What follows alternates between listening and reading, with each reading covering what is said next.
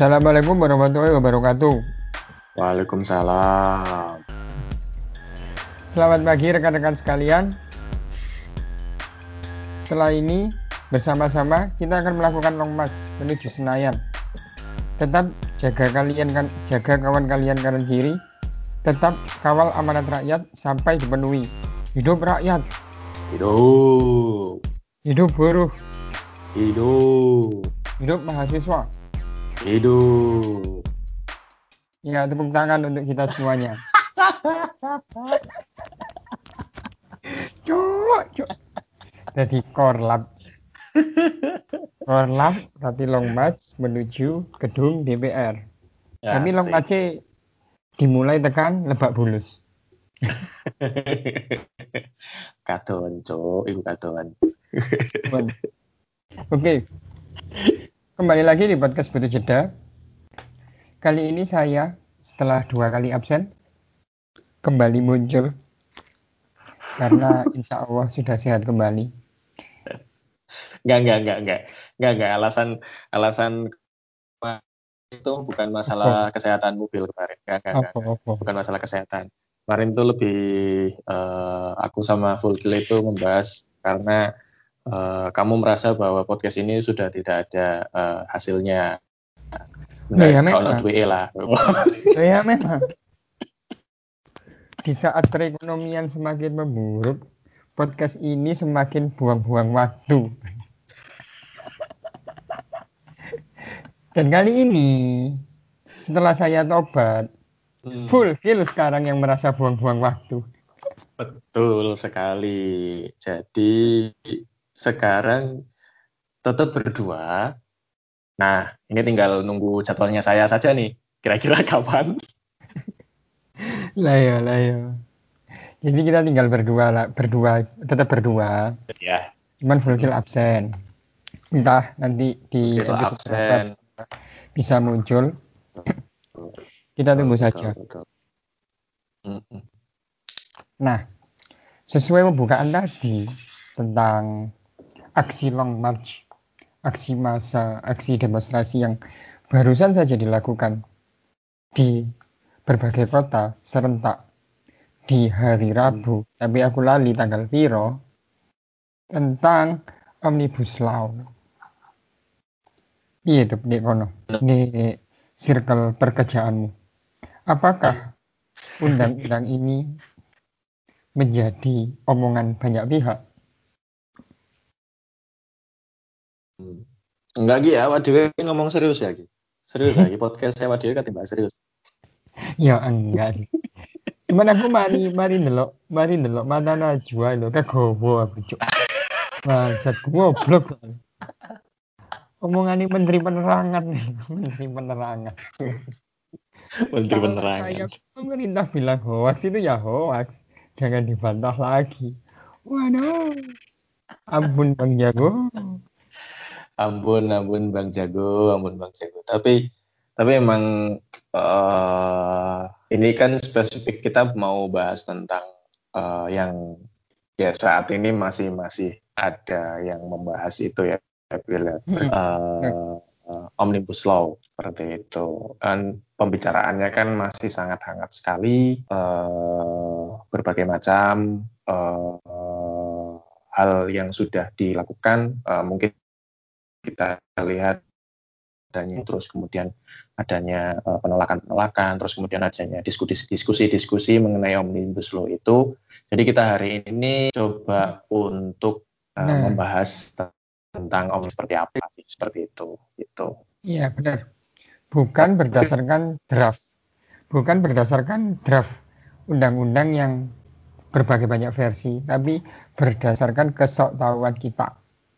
Betul. Kesoktahuan kita. Jadi kita di sini sok, sok tahu aja. Benar, benar, benar, benar. Nggak usah nggak usah dibikin baper. Jadi apa mau? Pertanyaanku. Apakah omnibus law di golonganmu itu memicu obrolan yang cukup hangat? Hmm, oke. Kalau omnibus law sendiri, karena basicnya di HR ya. Kemarin itu memang lebih kepada pembahasan tentang eh, peraturan eh, undang-undang tentang ketenaga kerjaan seperti itu. Kan di situ kan uh, berkaitan dengan hak-hak uh, dari karyawan itu sendiri terus kemudian apa-apa saja yang diatur di undang-undang ketenaga kerjaan yang nantinya mungkin mengacu pada undang-undang omnibus law ini seperti apa nah. seperti itu. Jadi kaitannya sama uh, lebih ke ketenaga kerjaan sipil kemarin itu Cuman ya gitu karena apa tebalnya undang-undang omnibus law ini uh, setebal uh, enggak enggak enggak setebal uh, DSM 5 sih sebenarnya tapi tetap bisa buat uh, gepuk ulo gepuk ulo kobra. Jadi uh, kemarin pembahasannya nggak sampai mendalam sih sama teman-teman. Tapi lebih ke arah uh, kita coba lihat nih uh, dari sisi ke apa ketenaga kerjaan di kita itu seperti apa gitu. Kesimpulannya tapi lebih kepada setuju atau tidak? Sama seperti uh, sama seperti undang-undang ini ya. Jadi ngambang. tapi segini lah lagi-lagi pertanyaanku. Ono sih setuju iya. nggak nih Kalau aku pribadi ada yang uh, setuju, ada yang uh, enggak ya, Bro. aku pribadi uh, setuju. Nih apa ya? Uh, undang-undang ini uh, bakalan membuat uh, kita sebagai warga negara Indonesia itu memiliki saingan baru dari uh, tenaga kerja asing seperti itu. Jadi kita bisa menambah sisi kompetensi kita untuk uh, bisa lebih baik lagi. Misalnya menambah wawasan kita tentang budaya uh, atau bahasa Cina misalnya gitu. Terus terus bahasa Trinidad dan Tobago. Emang ono bahasa Trinidad dan Tobago. Oh ini kono nggak bahasa Prancis. Seperti itu sih. Seperti itu. Hmm. Seperti itu. Terus uh, kalau misalnya eh, nggak uh, setujunya itu uh, karena apa ya uh, ada beberapa yang kemarin sempat uh, kita terima datanya karena kan versi dokumennya itu sendiri kan juga nggak uh, jelas seperti itu ya. jadi uh, versi yang ya, banyak versi uh, beberapa beberapa isinya itu yang uh, coba kita tangkap, uh, aku tangkap sendiri itu ada beberapa berkaitan dengan uh, mungkin hak-hak karyawan yang uh, ditiadakan misalnya seperti itu. Uh, hmm. Terus uh, uh, terus kemudian berkaitan dengan uh, sistem uh, kontrak kerja uh, antara pengusaha dengan karyawan yang dirubah, yang itu mungkin secara tidak langsung lebih merugikan kepada uh, karyawan ke karyawan ya. itu sendiri seperti itu. Jadi hmm. uh, yang kemarin sempat agak disoroti sama teman-teman, aku sendiri ya, apakah ini sebuah challenge? Kan kok ngarahin nang uh, iki hal-hal hal-hal sing hal-hal sing rada uh, gak gak masuk akal kayak ngono seperti itu sih. Aku kayak ngono. Ah, iya iya. Aku nangkep maksud. Jadi pembahasan ini yang dilakukan untuk pembahasan sih obrolan yang hangat di lingkunganmu jauh lebih spesifik daripada hanya sekedar ini nggak setuju apa aku pokoknya nggak setuju omnibus law atau aku setuju omnibus law ngono. Tapi yes, pembahasannya yes. jauh lebih spesifik. Apa lek nggak setuju nggak setuju kira-kira apa? Tapi lek setuju kira-kira apa? Lek kalau di lingkunganku karena tidak ada karyawan di sini.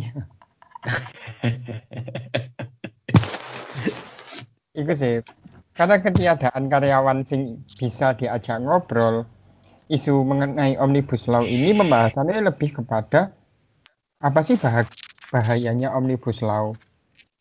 Oke. Okay. Jika di, jika tiba-tiba disahkan terhadap uh, kesejahteraan, kesejahteraan, ketertiban masyarakat. Dan hmm. ternyata ketertiban masyarakat pada akhirnya goyah gitu loh langsung ada demo langsung ada nganu terus kita kita lebih membahas nah di sini kita lebih membahas ikutnya sih soalnya le are-are bahasa itu kenapa sih omnibus law iki buru-buru untuk dibahas? Hmm, Itu hmm, hmm, pertama. Lalu di saat Hmm. COVID seperti ini, kenapa anggota DPR itu lebih mementingkan mengurus undang-undang yang sebenarnya kalau kita anggap iki demi kemaslahatan juga nggak terlalu juga lho. dan saya ini sih penting gawe kemaslahatan masyarakat yo kesehatan kan Yes, yes. Ah, ah, ah, ah. meskipun sebenarnya kita tahu juga tahu jawabannya lho. dari sekian anggota DPR terdapat banyak komisi dan banyak komisi itu mau tugasnya juga dibagi masing-masing cuman lebih kepada etika loh Yes, yes, Ketika- yes. Ketika petugas tenaga medis yang begitu banyak orang ingin mengurusi COVID, kenapa malah pemerintahannya, legislatifnya justru mengurusi hal di luar itu? Etikanya ada di mana? Ketika dokter-dokter mati hampir rat, hampir ratusan, wis menembus ratusan kan, dokter yang gugur, kenapa Hmm. itu juga eh, kenapa hal tersebut bukan menjadi persoalan yang serius atau dianggap bukan menjadi persoalan yang serius. Hmm. Oh no. Hmm, I see, I see. Jadi lebih kepada sebenarnya apa ya urgensi urgensi dari atau tujuan secara general dari omnibus law itu sendiri itu kalau di lingkunganmu itu yang lebih dibahas ya Bill ya. Eh, terus eh, berkaitan sama eh, impact-nya kepada masyarakat itu seperti apa ya? Seperti Iya itu. benar. Impact Hmm. impact di saat itu juga ngono. Hmm, Ketika undang-undang tiba-tiba disahkan, undang-undang yang tidak jelas ini disahkan, impact secara nyata ini apa dan seberbahaya apa? Dan ternyata Hmm, memang berbahaya loh. Berbahaya Hmm, bukan berbahaya undang-undangnya loh ya. Tapi Hmm, hmm. berbahaya impactnya, akibatnya. Demo ini, ini. Oke, oke, oke, oke, oke. Kita mulai itu ya, mulai agak serius sedikit ya, kalau boys.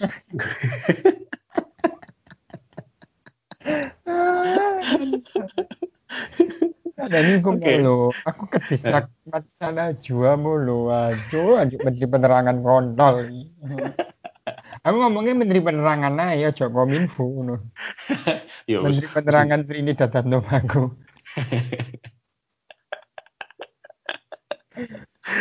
Oke, oke, oke. Berarti lebih kepada sorotan impact apa ya? Impact, impact sosialnya ya, Bill. ya, Sing, sing dibahas, sing dibahas di lingkungan. Tapi, eh, Iya.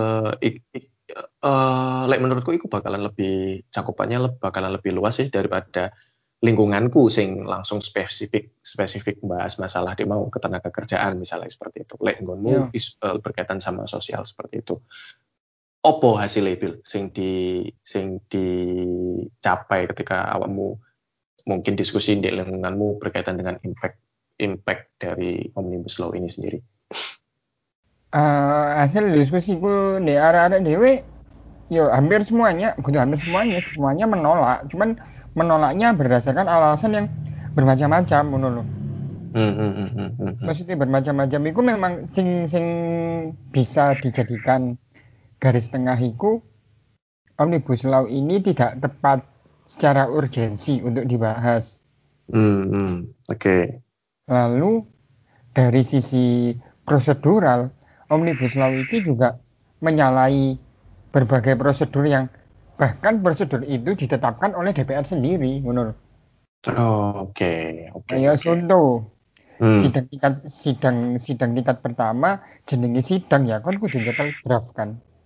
Oke, Kudu ha. nyetel draft lah misalnya set- Mm. set- eh, setingkat organisasi sepengalamanku di UKM Hmm, jenenge sidang untuk membahas anggaran dasar dan anggaran rumah tangga setiap orang itu harus memegang draft cuman karena organisasiku lagi kiri-kirinya mien hmm. satu draft dipegang tiga orang cuman Oke. kita membaca kita membaca secara seksama untuk memastikan anggaran dasar dan anggaran rumah tangga ini bisa tetap dilanjutkan atau perlu direvisi Yes, oke. Hmm, Ngono.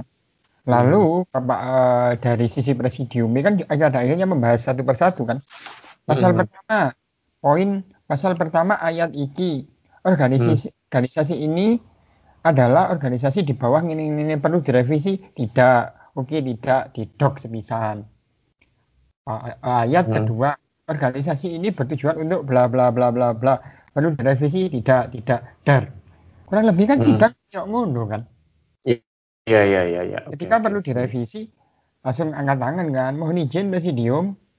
Hmm. kita apa jenengi saya tidak sepakat dengan ayat ini karena sudah lagi sudah tidak lagi relevan.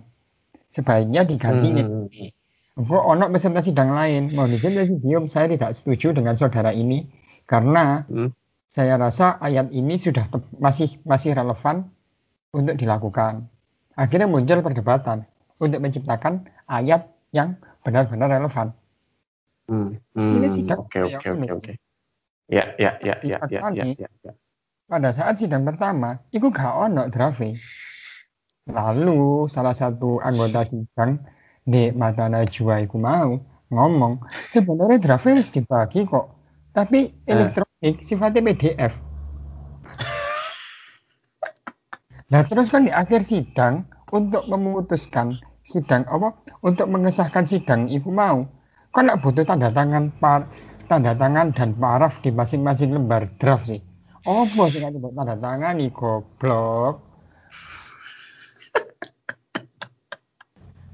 aku aku jujur aku jujur hasilnya gak nonton gak nonton gak nonton mata najwa sih. Karena memang memang mungkin ke ke bukan ke distrak ya. Memang memang mungkin uh, uh, apa jenenge?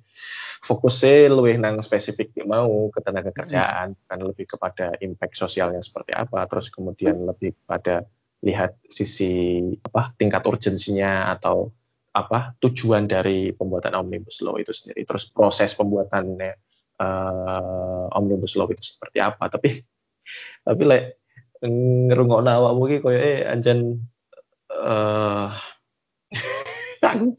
cok kayak bisa ngomong aku Nah iya, itu sebagian contoh hal. Berarti kan lembaran kosong kan yang ditandatangani. Ya, ya, ya, ya. ya. Gak mungkin, mu, hmm, mungkin oh, DPR waktu itu lembaran kosong cuma orang-orang yang uh, oh ya mek DPR tok sing ngira soalnya iku kan sebenarnya sebenarnya sebenarnya ono tulisannya tapi eh, et, apa itu itu itu itu gak gak gak ketok itu paling koyo ngono ya paling. Iya. Goblok goblok. Itu ya uh, itu tadi ya hanya sebagian contoh dari kesalahan prosedural yang kemudian diamini untuk mempercepat pengesahan undang-undang ini ngono yes, yes, dan semakin yes. jauh pada akhirnya akibat dari kesalahan prosedural yang diamini tersebut hmm. draft versinya itu ternyata ada banyak kan? 1035 lembar 906 lembar 801 uh, lembar uh, dan lain uh, uh, sebagainya. No.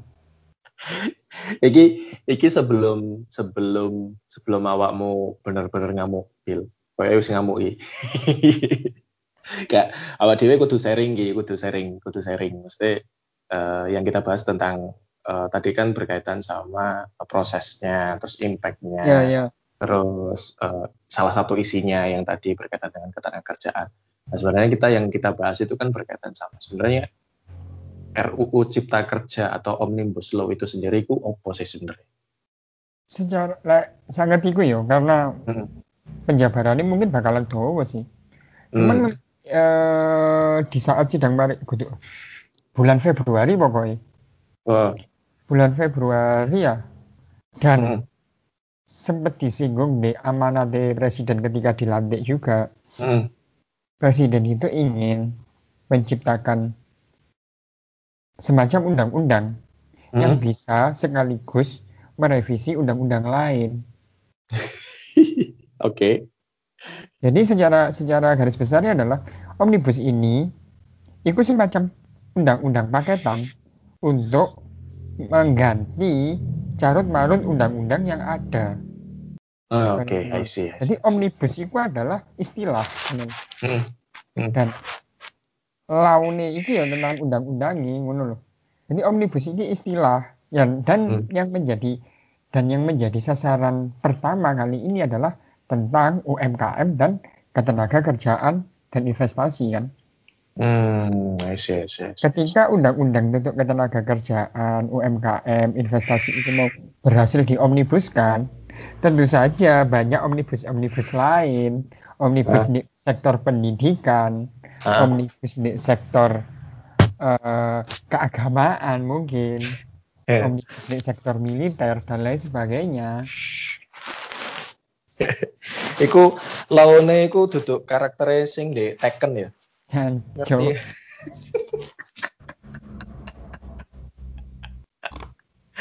See, I see, I see. Oke, berarti lebih kepada eh, ya karena mungkin eh, dari sisi pemerintah mungkin ya eh, ingin mempercepat eh, pere- eh, perekonomian negara kita karena utangnya negara wis akeh terus dengan mempercepat cara mem- untuk mempercepat perekonomian mungkin salah satu caranya dengan eh, omnibus law ini. Tapi kan eh, apa jenenge impact-nya kan banyak sekali nih akhirnya impact sosial sing sing sing muncul seperti itu salah satunya itu yang saat mungkin hari ini masih masih masih berlanjut yaitu eh, demo ya, seperti itu Ya. kan Bill. Ah, terus ke- kenapa sih kenapa sih demo itu muncul ketika ya ya kita kita nggak bicara masalah kita nggak bicara masalah omnibus law tok ya mungkin eh, berkaitan sama kemarin RUU apa wingi sing eh, berkait Tahun sing wingi. ah, ah, yang kemarin itu tahun ini itu tentang undang-undang KPK, RKUHP, Ah, undang-undang agraria. Dan yang Hmm, lolos undang-undang KPK, wis disahno. yes yes undang-undang KPK RKUHP itu kan juga memicu akhirnya adanya demo atau eh, Yes. adanya eh, penolakan dari beberapa pihak nah ini Lek, menurutmu kenapa Ki? kenapa kok mero-mero ono demo muncul seperti itu Ki? Secara sederhana sih, orang-orang yang ikut demo itu adalah orang-orang yang nggak percaya lagi suaranya diwakilkan kepada orang-orang Senayan itu. Akhirnya mereka terpaksa turun ke jalan untuk mengawal suaranya sendiri. Dan itu Hmm. sah di undang-undang. Eh, ada yang namanya istilah, namanya langkah politik alternatif. Hmm. Politik alternatif kan yang ya salah satunya adalah demo. Dan yang paling ekstrim, pembangkangan sipil. Hmm, I see, I see, I see, I see, I Pembangkangan see. sipil ya apa? Berhenti membayar pajak, nggak taat Hmm. Apa yang ngono sih? Nah, Hmm. yang berimpact itu kan demo. Karena Hmm. ya, ya apa ya, masyarakat Indonesia, apa meneh mahasiswa mahasiswaninya, sing Hmm. terkenal militan itu memang terjebak romantisme, terjebak romantisme orde baru, apa pelengseran orde baru menuju reformasi kan? Hmm, hmm, hmm, hmm. Ngono loh. Mereka pikir dengan kakak-kakaknya bisa bisa melengsarkan Soeharto di era orde baru, Hmm. romantisme itu bisa terulang kembali. Hmm. Apakah bisa? Durung tentu. Kenapa, Bill? Kenapa? Kenapa? Kenapa? Karena budayanya juga berbeda kan. Maksudnya jika kita tetap menggunakan mekanisme yang sama, misalnya gini lah, kayak mungkin Orde Baru itu bisa lengser dengan tidak hanya menggunakan satu dua kali demo, tapi Eh. sudah dimulai dari tahun 70 Hmm. dan eh, demo tersebut terpusat di Senayan. Masalahnya jika diaplikasikan sekarang, apakah cara tersebut bisa efektif? Kurang tentu, Pak, karena budayanya ya wis beda, generasinya ya wis beda. Hmm. Apa mana? Kita melawan orang-orang sing biyen biyen yang dulu itu juga ikut pernah ikut demo. Otomatis kan ngerti Hmm. itu pengapesannya sebelah ini. Hmm, hmm, hmm. Aku lek kemarin diskusi sama anak-anak, demo saiki ku terjebak dalam simbolis dan romantisme. Simbolis romantisme Senayan. Awakmu orasi di ngarepe Senayan, kon bakalan Hmm. bangga sih.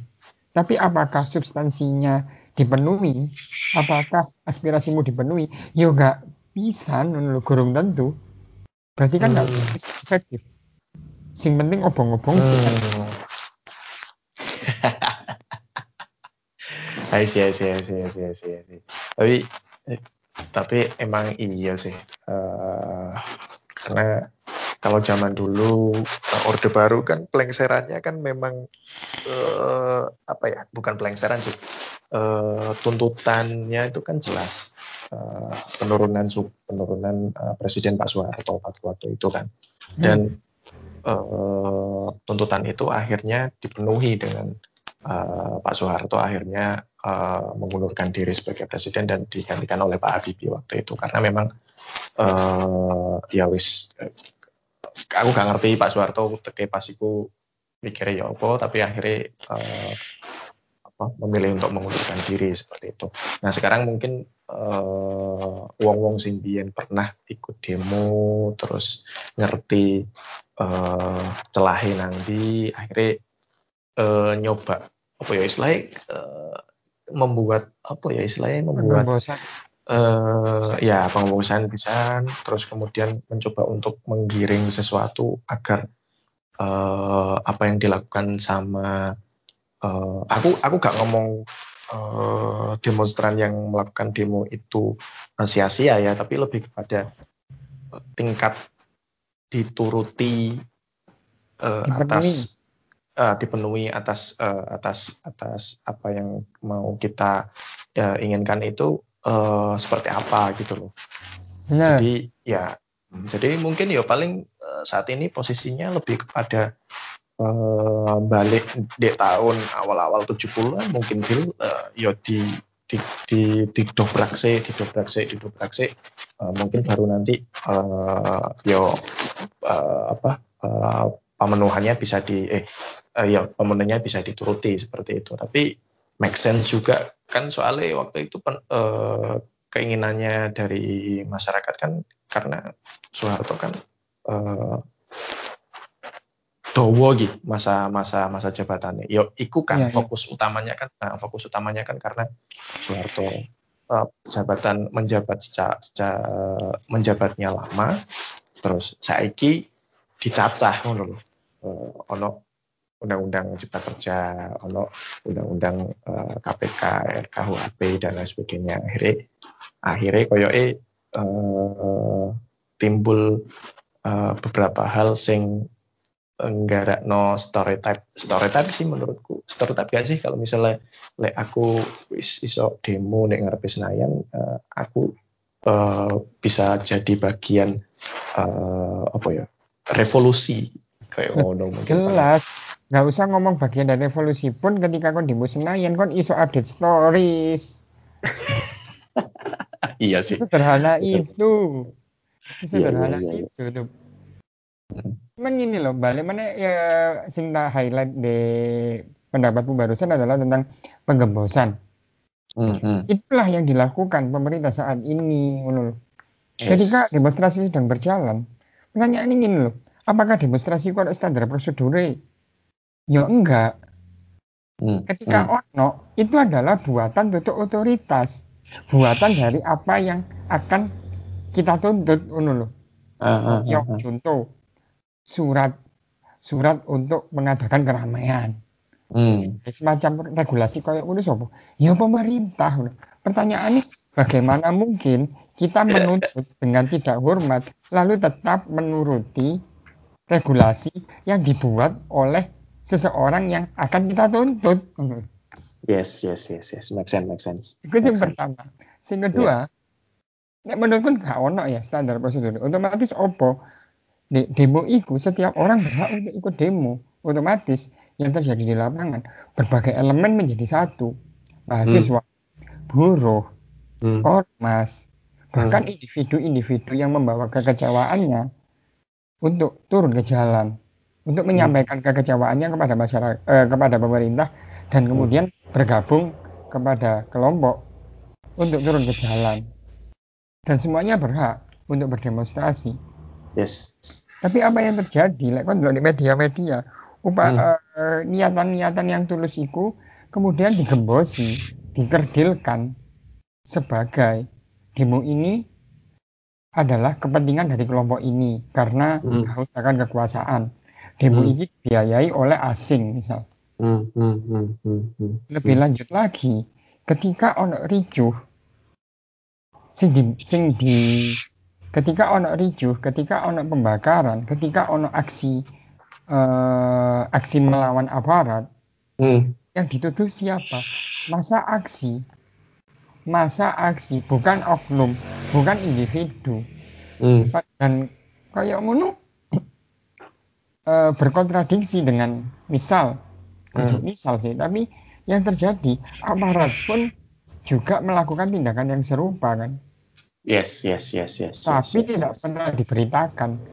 Saya ingin di ono berita polisi uh, polisi mengejar ambulan karena diduga ambulan tersebut membawa batu. Nggak ono. Beritanya beritanya akan menjadi seperti ini. Ambulan yang diduga membawa uh, membawa batu untuk dijadikan lemparan sedang dikejar polisi. Jadi misal kayak ngono. Yes, yes, yes. Bolak balik kayak ngono berusaha. Jadi masa aksi isi, masa masa aksi ini mm -hmm. berusaha dikerdilkan pemerintah agar tidak semakin membesar. I see, I see. I see, I see, I see, I see. Tapi ambek ambek kono sih, Bil. Ambek kono sih, Bil. Saya total saya ambekanmu. Ambekanmu total saya ambekan ambekan toto sih toto sih santai santai Oke, sudah. Asini, asini ini loh. Kenapa sih aku aku bersemangat ngom, uh, ngomong no iki? Karena hmm. sebagian dari teman-temanku juga turut menjadi korban, ngono. Oke. Okay. Aku ngomong nih, ini aku aku nggak ngerti, aku nggak nggak ngerti resikonya ya apa ya yang jelas. Hmm. Beberapa temanku jadi korban dan dari di antara beberapa temanku tadi sampai saya saya hilang. Serius? Iya. Serius? Kurang terkonfirmasi lebih tepatnya. Last statement untuk otoritas dia sudah dikembalikan. Tapi sampai saya ini WhatsApp nggak aktif kok. Oke. Ik, uh, Dek Malang apa Dek Jakarta? Di Malang. Oh di Malang. Di Malang kan juga ricu kan kemarin. Yes, yes. Nah. Juga ricuh, ditangkap 123 orang, klaim dari otoritas mengatakan sebagian besar yang tertangkap adalah SMK dan mereka dibayar. Pertanyaan nih, apakah kita harus percaya? Seharusnya, lek tak tahu dari mahasiswa temenan, awal hmm. dewi nggak berhak dan tidak berhak dan tidak berkewajiban untuk percaya hanya dengan mendengarkan satu klaim. Awalnya kudu ndelok klaim lain. Yes, yes, yes. Uh, ini lebih, ini lebih kepada uh, bagaimana kita menerima dan mengolah informasi sih. Iki benar. Uh, that, uh, kenapa, kenapa aku, kenapa aku milih uh, le lebih memilih untuk uh, yuk uh, pilihan yuk uh, memilih untuk tidak tidak terlalu sering membaca berita-berita seperti itu. Maksudnya kayak kayak uh, lebih mensoroti uh, sing di Jakarta itu uh, halte busway uh, terbakar atau dibakar. Terus kemudian uh, apa uh, lempar batu sembunyi tangan misalnya kok ngono kan. Tapi tapi tapi uh, uh, apa sebenarnya kan sisi lain sisi lain dari uh, demo itu sendiri kan sebenarnya kan tidak cuma hal-hal seperti itu kan. Ya Benar, uh, make uh, make sense juga ketika kamu bilang uh, ketika kamu bilang iki mengkerdil mencoba untuk menggembosi dan mengkerdilkan para demonstran sing sejatinya sebenarnya uh, punya hak untuk uh, memberikan suara. suara. Betul benar benar banget dan aduh ini nih gak, gak bisa ngomong bahwasannya demo akan bersih 100% kan dari kepentingan. Akan selalu ada kepentingan-kepentingan di luar demo. Yes. Tapi nggak improvisan kan dikerdilkan koyok ngono. Tapi begitulah yang terjadi di Indonesia saat ini dan prediksi sih ini bakalan melebar ngono hmm, hmm, hmm, Bakalan melebar dan nggak tahu sampai kapan. Pada akhirnya yo ya tetap Joko Joko diri, ya. Joko kawan kanan kiri, Hmm. awas banyak intelijen di i- lek masalah intelijen yo. Jari koncoku, Eh, aku nih ini mek wani ngomong jari ini jari ini tok karena gak wani ngomong sumber informasi yang jelas ya. Supaya dianggap ngomong kosong aja ngono lho. Ya. Jari ini koncoku, eh, eh. nek maedaiku wis disepion pisan. Hmm. Wis Hmm. ono spione. Cuman ya jari ini ae lah ngono lho. Ya, mungkin itu bagian dari apa ya, marketing terselubung Maida. Benar, benar, benar. Sudah masuk kondimen. Sudah masuk kondimen kan, Ya. sudah masuk kondimen kan berarti kan sudah bagian dari marketing terselubung seperti itu kan. Musuh-musuh sudah musuh-musuh sudah menganggap serius Maeda. Mantap, mantap, mantap, mantap, mantap, mantap. Kedai kopi, kedai kopi yang lain sudah mulai melirik. eh, ini siapa nih kedai kopi Maida ini apa ini? Wah, seperti itu. Terbaik. Ampasnya. Yes, Oke. Oke. Wis menuju Eh, penghujung waktu. Ya, tapi tapi menarik menarik sebenarnya Bill. Eh, kalau misalnya eh, bahas tentang eh, sisi lain demo eh, demonstran, eh, aku gak ngerti ya, mesti kayak informasi-informasi dulu ketika penurunannya Pak Soeharto itu apakah eh, informasi yang yang di eh, dibuat itu akan sekeos seperti seperti zaman sekarang seperti itu. Kalau sekarang kan benar-benar chaos nih. Eh, di ya seakan-akan chaos dan chaosnya itu dikarenakan ya para demonstran gitu loh. Hmm. Eh, yang seolah-olah yang seolah-olah tidak mematuhi omongannya pemerintah sing ini dia mau eh, apa eh, Menteri Tobago dan Trinidad itu kan yo lek misalnya iku hoax yo hoax ojo ojo ojo ojo mbantah maneh koyo ngono mungkin Hmm. seperti itu ya Hmm. Hmm. Cuman di zaman Mien kan, di zaman Orde Baru kan proses chaos proses chaos kan bukan karena disinformasi, yes tapi yes karena ke, lebih kepada kemuakan kemarahan masyarakat atas banyaknya eh ojo ngomong banyaknya lah eh adanya krisis moneter yes barang yes, baku naik yes. sembako naik terus Hmm. ono penembakan misterius ono penculikan Hmm. terus Hmm. peraturan-peraturan peraturan-peraturan yang serba nyeleneh koyo lagu lagu iku harus difilter negara gaya rambut difilter negara see, I see. terus apa jenenge di, ka- pergerakan di kampus dibatasi hanya dalam kampus Hmm. mereka muak dengan itu otomatis Hmm. kesimpulannya adalah nek zaman biyen mereka muak karena peraturan dan kesewenang-wenangan yes Nek saiki Hmm. kita muak karena banyaknya eh, informasi yang serba tertutup dan Hmm. pemerintah tidak pernah mengakui itu. Hmm. Lebih tepatnya salah satunya kayak ngono lah. Hmm. kita bahas mengenai detail dari pasal-pasalnya, bisa Hmm. saja penyebabnya bertambah lagi. iya Bisa betul, saja betul. apa yang kita takutkan di pasal-pasal itu memang Hmm. benar-benar terjadi. ngono loh. Hmm. Hmm. Hmm. I see, I see, I see, I see, I see. Maka, aku mm, ya apa maka ketika ono arek ngomong, kon wis mojo, emang kon wis mojo undang-undangi, emang kon wis mojo kabeh, iku wis gak relevan pak. Gak usah bahas iku, bahas lihat. Masih banyak faktor yang membuat iki iku goblok ngono. yes yes tanpa perlu yes, membacanya. yes yes yes yes, yes. ya Kesimpulan untuk aku, le kesimpulan tutup aku mulai dari episode 1 sampai ke episode oh yo ini kan untuk episode 9 ya Bill ya? yo, ya sebenarnya kita aku sama Full Kill itu di episode 9 itu kita mau membahas sesuatu hal yang sangat urgent bersama kaum intelektual Uh. sama teman kita gitu. Tapi karena eh, yang bersangkutan eh, suami-suami takut istri, jadi eh, kita tunda selama nggak tahu nih, kayaknya ditunda selama-lamanya juga nggak apa-apa. Seperti itu. kebetulan karena saya kenal dekat ya, Iya. karena saya kenal dekat, dengan beliau. Hmm. Kemarin ketika saya mengunjungi perusahaannya, saya sedang iseng waktu itu, lapar. Uh, Saya mengunjungi uh-huh. perusahaannya dan bertemu dengan beliau. uh, Beliau sudah pakai seragam. hmm. Otomatis sepertinya lebih sibuk dari biasanya.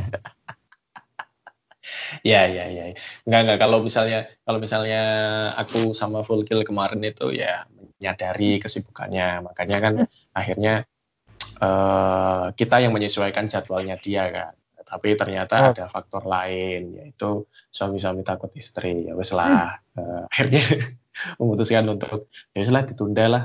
Kapan? Bu, selamanya juga bang. Enggak, enggak, enggak apa-apa ya ngono. Ya nunggu beliaunya minta aja. Kayak gak mungkin minta sih San sih.